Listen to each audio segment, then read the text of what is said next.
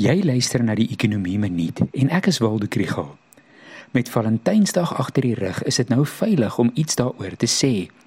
Nie baie mense vra ekonomiese raad oor die liefde nie, maar ons het eintlik verbasend baie daaroor te sê. Hierdie episode word ondersteun deur Predictive Insights en die NWI Sakeskool. As jy gedink het dit is net 'n geldmaak storie, is jy nie ver van verkeerd nie. Dit is ook 'n geldmaak storie. Na raming is daar hierdie jaar in die FSA 25,9 miljard dollar bestee. 'n Webblad genaamd Wallet Hub bereken dit is 190 dollar per persoon wat die dag vier. Mans bestee ongeveer dubbel soveel as vroue en die groot items is juweliersware en 'n spesiale aand uit.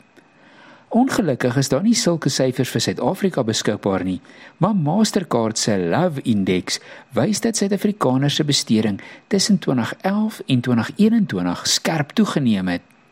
In Suid-Afrika het besteding op ervarings soos 'n naweek wegbreek of 'n aand se uiteet vinniger gegroei as besteding op die meer tradisionele blomme of juwele.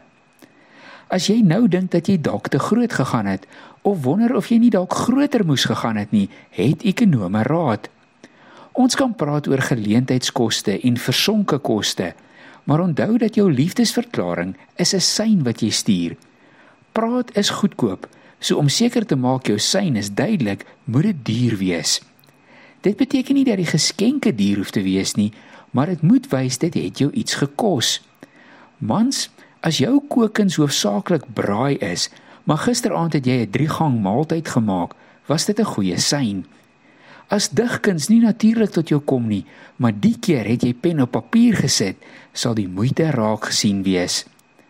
Ware ekonome gee kontant, maar niemand is seker hoe gaan dit met hulle liefdeslewe nie.